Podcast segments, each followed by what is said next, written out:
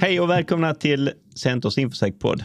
Eh, jag heter Mats Malmberg och eh, idag har jag med mig min, eh, som vanligt min kollega Gustav. Hej Gustav! Hallå där!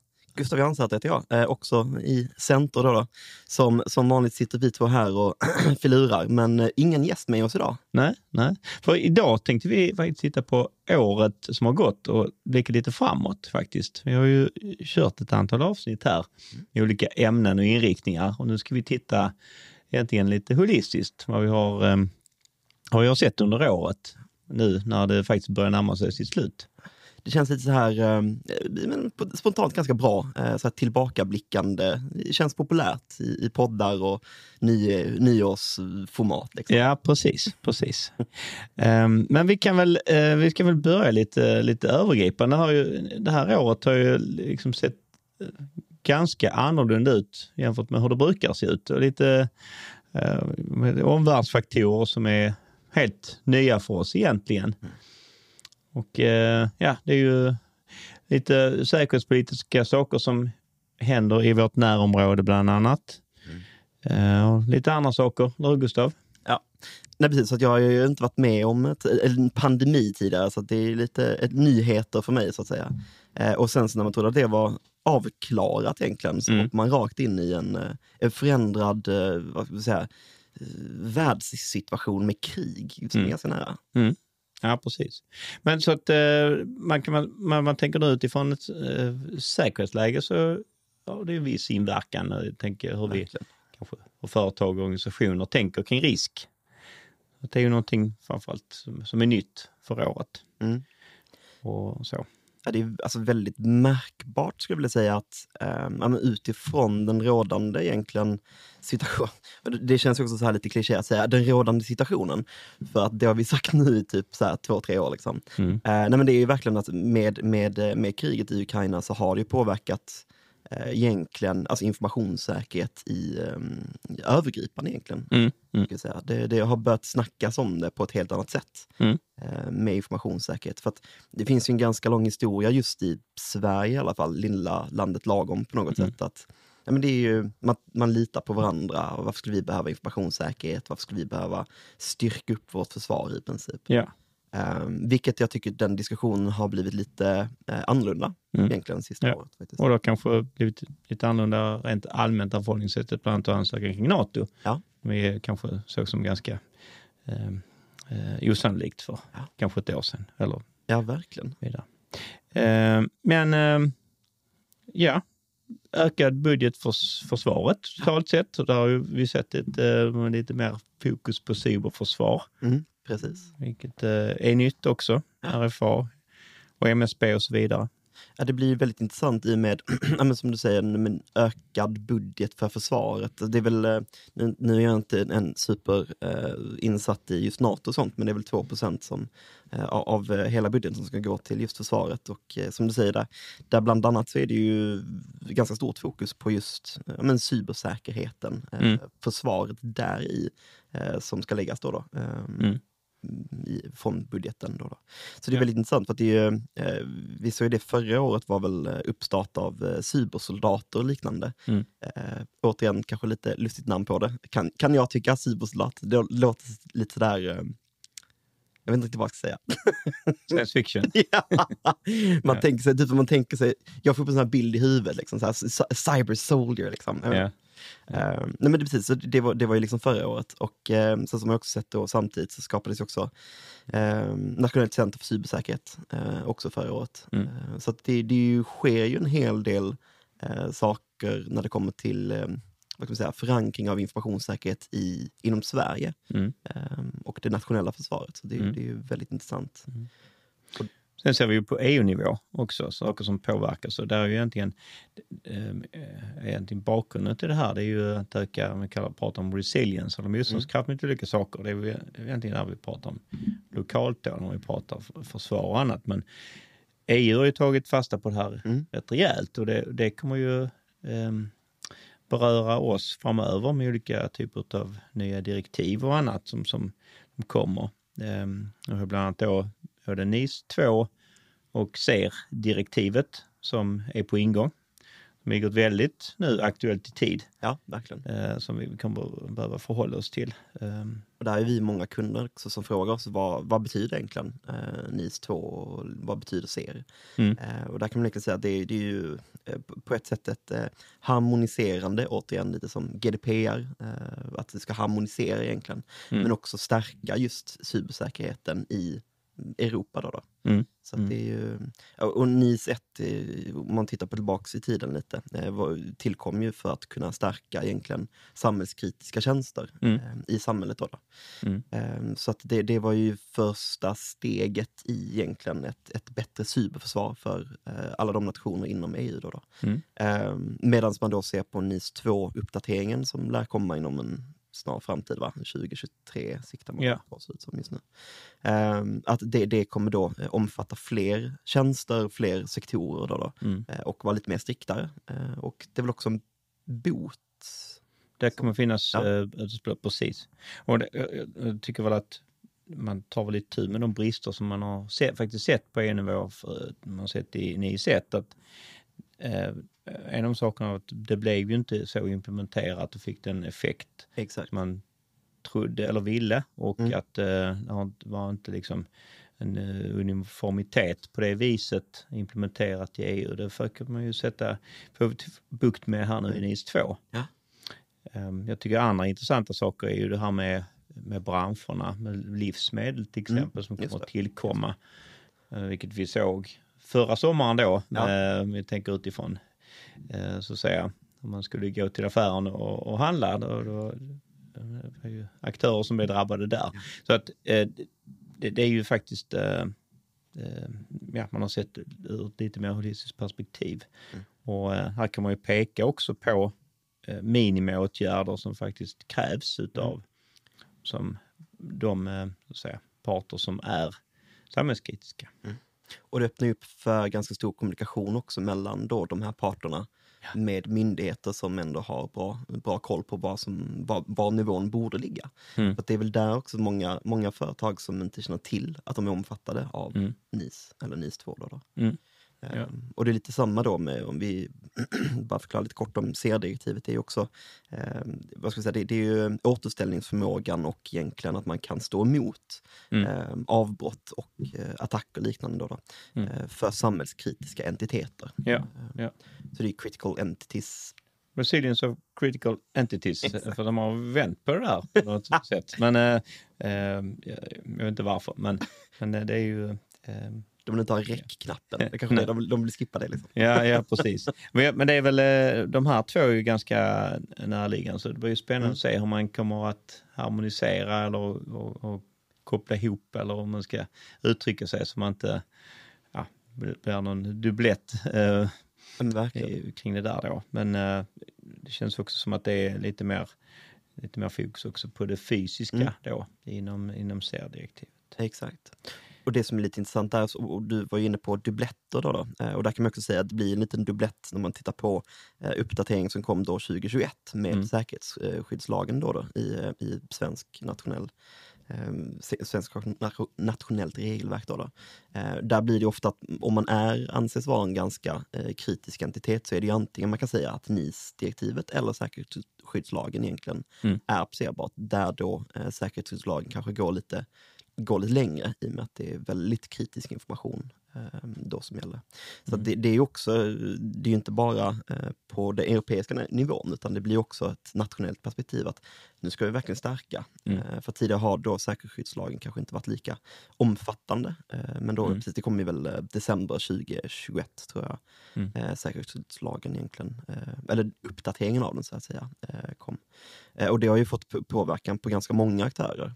för att det som den riktar sig in sig på är väldigt mycket tredjeparter till egentligen de här eh, kritiska egentligen aktörerna i samhället mm. i Sverige då, då, eh, ställs krav på. Då, då. Ja. Så det, det har ju, jag kommer ihåg i, i, i våras var det ganska mycket spring fram och tillbaka med eh, vad, vad, som behövs göras egentligen mm. för det. Så det var, var lite intressant. Mm. Men det är ju många lite olika perspektiv, så det är en viss risk man kan överlappa till viss del och, och så vidare. Har koll på vad de här lagarna och direktiven mm. kommer innehålla. Att man har en, tittar lite i fram, framspegeln då vad som kommer eh, kommer framöver. Ja, verkligen. Och så att eh, kanske ta nytta av det man redan har på plats. helt enkelt. Ja, för vi har ju också bland annat eh, en bransch som både du och jag kanske är ganska van vid, då, då, eh, just den finansiella branschen. Mm. Och där har man ju då till exempel Dora eh, Mm. också, akten som påverkar. Och där, där finns det en ganska lång historia just inom finans och liknande. De, de är ju ganska, vad ska man säga, eh, styrna, eh, styrda menar, eh, av då just regelverk och du, ganska duktiga på compliance. Men där ser man att det kommer till eh, ett till regelverk för att hantera just eh, cybersäkerheten. Då, då. Mm. Så det är ju också väldigt Och där har man ju också valt att använda ordet resilience. Ja, Digital exakt. Operational Resilience Act. Act. Och eh, så rakt ut mot, mot finansbranschen då, Mm. sin helhet. Ehm, och där är ju också de här eh, kraven med. Ja, exakt. Som är, när man tittar på det så är ju ganska strukturerat och bra det här med att man ska ha en riskhantering, man Mm. Ställer ledningen ganska tydligt, Mm. pekar ut dem som ansvariga eller vad man kallar för management body. Mm, exakt. Ehm, och ehm, där, är, där finns ju krav kring- på incidenthantering, men framförallt då en informationsdelning inom EU. Mm, exakt. Och det som jag tycker är nytt, liksom, om man tittar på de här liksom, direktiven och lagarna, är att man, man eh, får just större då, verkligen kritiska tredjepartsleverantörer. Så eh, ska man då finnas en typ lista Ja. hos EU. exakt. Eh, och eh, så att där, där man är som är hä- hänvisad till att använda de här leverantörerna för Mm, kritiska tjänster. Så att där får ju EU en, en så att säga, en ja, kvalitets eh, eh, eh, roll egentligen, en översynsroll utav de här. Så det är ju något nytt grepp tycker jag i det här. För Mm. att annars är ju liksom det här kvalitet och, och uppföljning och, och så vidare. För att mycket liksom fokusera på de som använder tjänsterna. Exakt. Och det är väldigt Eh, intressant. Att, jag, jag tror att en, en stor del i det hela är ju att eh, de tog väl egentligen beslutet i, i form av att eh, om, om en aktör inom Europa används i ett land Mm. så sa väl de i princip att då är det väldigt, väldigt stor sannolikhet att den också används av andra europeiska länder. Mm. Och därmed så finns det väldigt mycket synergieffekt av att egentligen på ett om det är då tredje part i ett land så kommer det säkerligen vara det i tre andra länder potentiellt. Mm. Eh, och det betyder att det finns ju ganska mycket vinning och mm, effektivitet. Mm. Eh, vinning egentligen i det hela. Eh, att kunna på något sätt kontrollera de kritiska tredjeparterna. Och det antogs ju eh, den här eh, ja, Dora ja, antogs ja. ju i eh, i 28 november faktiskt. Så att Ja. den är ju väldigt av, antogs av rådet då. Så att nu ska ju den kvarnarna mala här eh, framöver. Så att, eh, men det, den bör man ju titta på om man Mm. är inom den här branschen. faktiskt. Så man kan säga att det, om man tittar lite framåt nu när vi tittar lite bakåt då, men eh, man tittar på alla dessa regelverk som kommer egentligen eh, på något sätt få praktiska eh, eh, effekter egentligen under Mm. 2023. Men Vi har NIS 2, vi har CR-direktivet, vi har påföljd egentligen av egentligen eh, säkerhetsskyddslagen som också kommer fortsätta eh, och DORA, så det händer ju väldigt mycket under Mm. 2023 skulle Mm. jag säga. Eh, Mm. Utifrån de regelverken som har Mm. diskuterats fram och tillbaka. Jag tror, personligen tror jag att menar, från EU-nivå har Mm. mm. tittat mycket på GDPR, man har sett att Ja. det har fått liksom större effekt. Eh, Ja. Där man började prata om olika typer av sanktionsavgifter och annat. Det blev helt plötsligt intressant när man pra- pratar Mm. om procent av årsomsättningar och sådana saker. Då blir det, eh, får man större attention då kring de här frågorna. det är ganska lätt, och jag, ju, jag skulle säga att jag kanske har använt mig det av, det tidigare, men det blir ganska bra slagträ. Mm. Eh, för det är folk som inte riktigt fattar att det är den, den globala egentligen omsättning i princip på, eh, på koncernnivå. Det är ju inte liksom det lo, lilla lokala bolaget. Nej. Äh, vad gör en miljon? Liksom Mm. här, om vi tittar på 4 av, av eh, omsättningen. Då, då. Mm. Men när man den slår mot koncernnivå då blir inte CFO glad om man kanske säger som så att det är, eh, det är en risk som potentiellt får eh, eh, en, en bot på 4% av vår globala omsättning. Mm. Då, det är inte jättemånga finansmänniskor eh, som, ja men det är lugnt. Mm, Utan de, mm. de börjar dra öronen åt sig Mm. lite. Eh, så det, det, ju, det har ju en, eh, en verkan. Mm. Helt klart, Mm. att, att ha en sanktion. Liksom. Men, ta, men du pratar inne på de här eh, eh, regelverken. Mm. Mycket är ju här att man, man bygger in- sin säkerhet strukturerat. Mm. Där är ju många använder ju till exempel ISO 27001 Yes. som en eh, grund. Och det har ju fått en eh, ansiktslyftning Mm. i form av 27000, ISO 27002 som eh, är ju då själva man kan säga, kontrollerna, eh, Exakt. eller för, förslaget till kontroller Mm. för din säkerhet. Det har ju hänt väldigt mycket under året. Precis som Mm. du säger, det 27002 fick ett ansiktslyft under februari i år. Ehm, och där var det ju väldigt stor förändring eh, Mm. då av alla kontroller. Det blev mindre kontroller, det blev ehm, en, en viss uppdatering i strukturen. Eh, istället för domäner, 14 stycken domäner eh, eller så, så finns det då fyra stycken teman istället på så sätt. Så det, det har ju hänt en hel del där och då 27001 kom ut eh, i slutet av oktober. Så att Mm. Eh, inte så länge sedan. Eh, Men eh, så det där kommer ju egentligen revisorerna börja certifiera gentemot den nya standarden under Q1 då, då Mm. som vad jag har snackat med revisorer om. Mm. Eh, Och det är ju kanske inte världsomvälvande på så sätt vad som har skett. Det är ju liknande kontroller egentligen i basis. Det är ju lite nya twistar och lite nya saker. Då, då. Men i, i stort så är det ganska liknande men det behövs ganska Ja, man behöver tänka till ganska rejält om man ska eh, uppdatera sitt ledningssystem för informationssäkerhet Mm. i standard, i, i linje med eh, ISO 27001-standarden. Då, då. Mm. Så det, Ja, man ska få det bra kanske. Exakt. och så vidare. Och det, nej, men det, det, det behövdes ju en, en, det har ju hänt en hel del inom det tekniska området Ja. sedan eh, 2013. Så att eh, det, det bör ju hö, hög tid. Ja. Och så. Och vi kommer att ha ett avsnitt i framtiden, snar, snar Ja. framtid, eh, med vad egentligen innebär den här förändringarna. Ja. Det, det får ni uh, tuna in till eh, helt enkelt. i Framtiden. Ja, precis. Ehm, ja, men eh, vad, vad kan man mer säga nu? Om, om, nu har vi pratat Mm. mycket om liksom, vad, vad som är nu har kanske slagits fast och Mm. serier på gång. Eller om vi tittar som, på det som inte är så att säga, utifrån legalt perspektiv eller ramverksperspektiv. Jag tycker väl, alltså så här, som vi var lite inne på i början, så det, finns det ju en, en, en eh, större medvetenhet skulle jag säga, om informationssäkerhet. Mm. Ehm, och där tycker jag, det har börjat snackas om det på ett helt annat sätt. Jag tycker, jag tycker ett bra exempel är, är ju att Ann-Marie Eklund Levinder var ju med till exempel som sommarvärd då, då eh, eller sommarpratare eh, i, i P1. Det tyckte jag var väldigt bra. Ehm, Mm.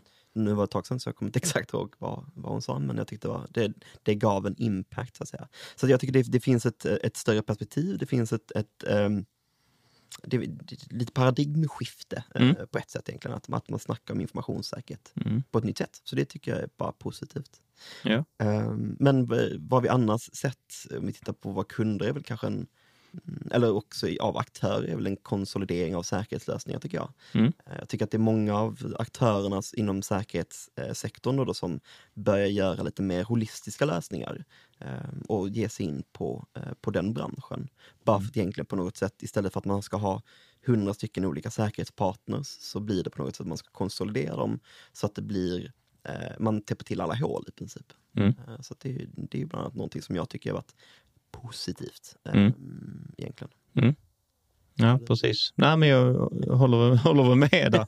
Det är, eh, jag, jag, jag tycker eh, det är ju lätt att bygga säkerhet för komplext. Eh, Så att Exakt. Exakt. försöka hitta de här ehm, eh, enklare Mm. lösningarna. Man måste förstå att ja, hela verksamheten måste ju vara med på tåget för att det ska Mm. bli bra. Och det tycker jag ändå är generellt att det är många som fler som säger att vi vill verkligen få det att fungera i Mm. praktiken. Och det är någonting som när vi är ute hos kunder så kommer vi alltid säga just att vi vill inte skapa en pappersprodukt. Nej. Så här, Det, det är ju det längst ifrån det vi vill göra. I. Mm. Vi vill faktiskt få det att fungera. Och som Mm. du säger, det är ju lätt att skapa en komplex produkt med många olika eh, interfaces. Och Mm. så. så det är ju väldigt bra att det blir lätthanterligt Mm. egentligen. Mm. Och vi kanske får se en större användning, eh, möjlighet till de här tekniska lösningarna av eh, AI och Ja. ny Mm. teknologi i de här säkerhetslösningarna Ja. och så vidare. Jag pratade om här tidigare, om lag, de här nya lagarna, det är ju ofta en, en, en, eh, en stänk av att man använder red teams och Ja. tester och annat Eh, och det är ju också ett sätt att liksom, titta utifrån ett angriparperspektiv på de här lösningarna och faktiskt testa och även då testa att verksamheten kan agera på ett bra Mm. sätt när de väl Exakt. blir drabbade. Så att man ja, förbereder på olika perspektiv. Ja. Nivåer. Och det som är lite intressant är just det du nämner med AI i liksom säkerhetslösningarna, om man säger så.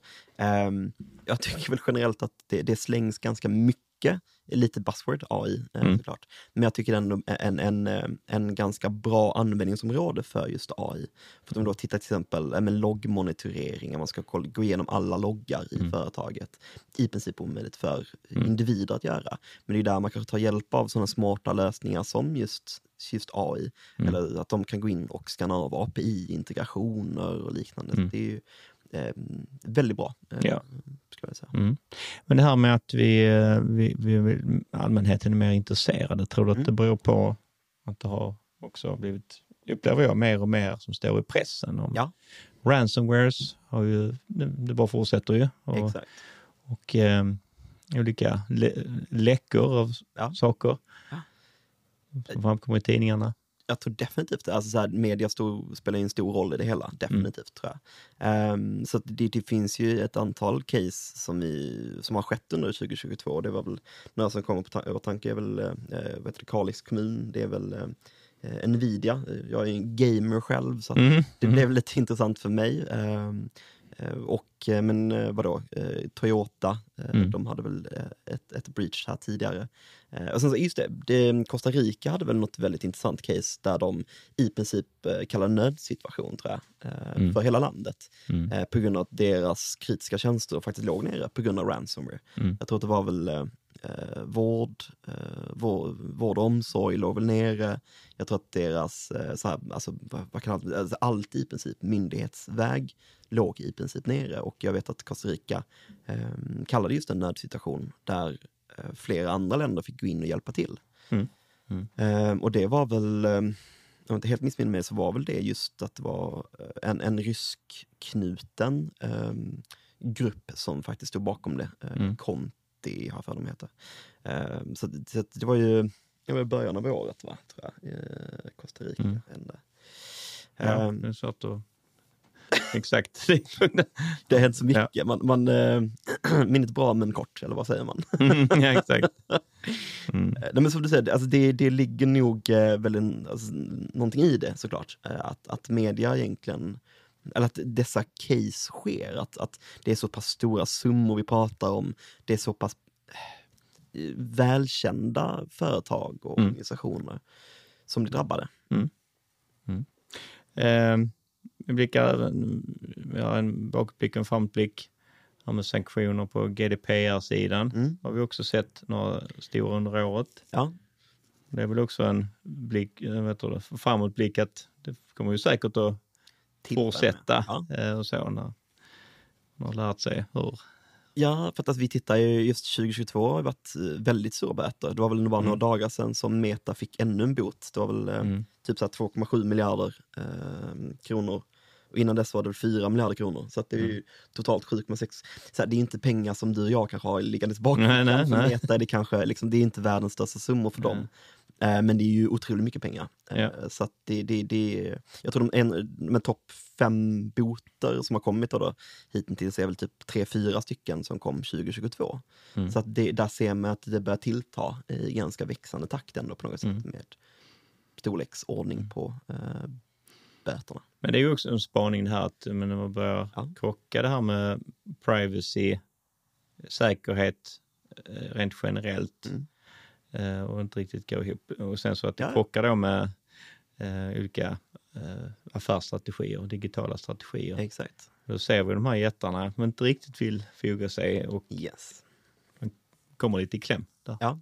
Ja, för det finns ju, alltså ja, vad ska man säga, det, det, det är ju, mm, snillen spekulerar på något sätt, men alla de här stora företagen, alltså det är ju, alla de här största botarna kommer ju, har ju varit på typ så Meta, på Google, på Amazon och så vidare. Och så vidare.